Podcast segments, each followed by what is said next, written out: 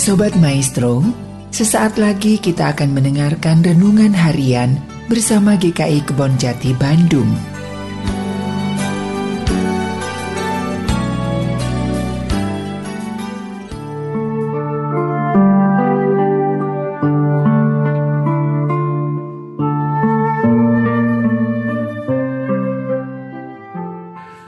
Kembali dengan saya Pendeta Daud Solhin dari GKI Kebon Jati dan tema renungan harian kita berjudul Rasakan dulu baru mengerti. Bapak Ibu Saudara, di akhir bulan dengan wajah murung, seorang teman bercerita. Tahu nggak apa persamaannya antara dompetku dengan bawang? Dalam kebingungan saya menjawab, ah apaan sih? Apa memang ada kesamaannya? Oh dia menjawab, ada persamaannya, yaitu saat dompetku dibuka, bawaannya pengen nangis. Bapak Ibu Saudara di awal bulan banyak teman, di akhir bulan masing-masing susah payah nyari teman. Ya begitulah cerita pengalaman pada masa hidup di asrama dan perkuliahan di rantau dulu. Pengalaman seperti ini mengajarkan bahwa kita memang perlu hidup berhemat dengan apa yang ada. Kita perlu mengeluarkan uang untuk belanja barang-barang kebutuhan pokok dan prioritas lebih dulu untuk mencukupkan diri dengan apa yang ada. Tetapi di sisi lain, kita juga terpanggil untuk berbelas kasihan dan membantu sahabat yang sedang dalam berkekurangan agar mereka juga bisa mengalami peningkatan kesejahteraannya khususnya di akhir bulan. Kita harapkan mereka pada waktunya mampu hidup mandiri.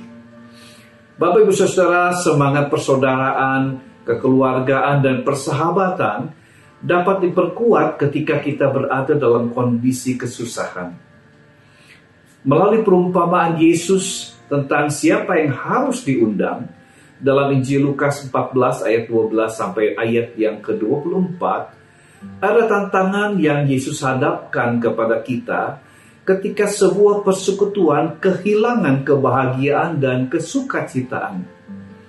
Ada orang-orang yang kita harapkan hadir menjadi bagian dari komunitas yang berbahagia. Mereka sudah diundang, tetapi tidak dapat hadir. Orang-orang yang sibuk dengan urusan masing-masing dan tidak mempedulikan undangan Yesus untuk merayakan hidup dalam keselamatannya.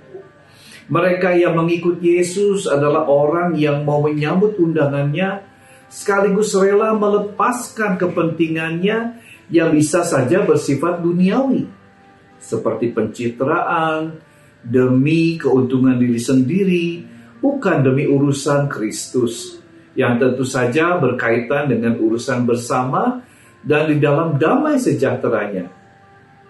Pengikut Kristus adalah mereka yang bersedia hidup dalam komunitas tubuh Kristus, komunitas berbela rasa dan memiliki solidaritas. Yesus membandingkan reaksi tanggapan orang-orang yang dianggap second grade, orang-orang yang terpinggirkan, tetapi mereka dengan sukacita menyambut panggilan Yesus dan mengalami damai sejahteranya. Allah yang dikenal sebagai Allah yang berbelas kasih. Karena itu mari kita bangun dan kembangkan spiritualitas komunitas berbela rasa. Agar kita mengalami kebahagiaan dan kesukacitaan dalam Kristus. Ada lagu dalam Kidung Jemaat nomor 343 dunia dalam rawa payah. Baik kedua berkata demikian. Bangunkan persekutuan sidang jemaat dan kumpulkan domba Tuhan yang tersesat. Satu sabda berkuasa mempersatukan bahasa, sekalipun kaum dan masa jauh dan dekat. Hidupilah komunitas kita dengan spiritualitas berbela rasa karena di situ kita akan mengalami kebahagiaan, kesejahteraan bersama-sama.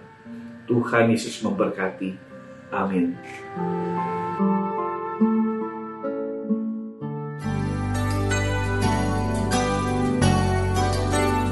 Sobat Maestro, baru saja Anda mendengarkan renungan harian bersama GKI Kebon Jati Bandung.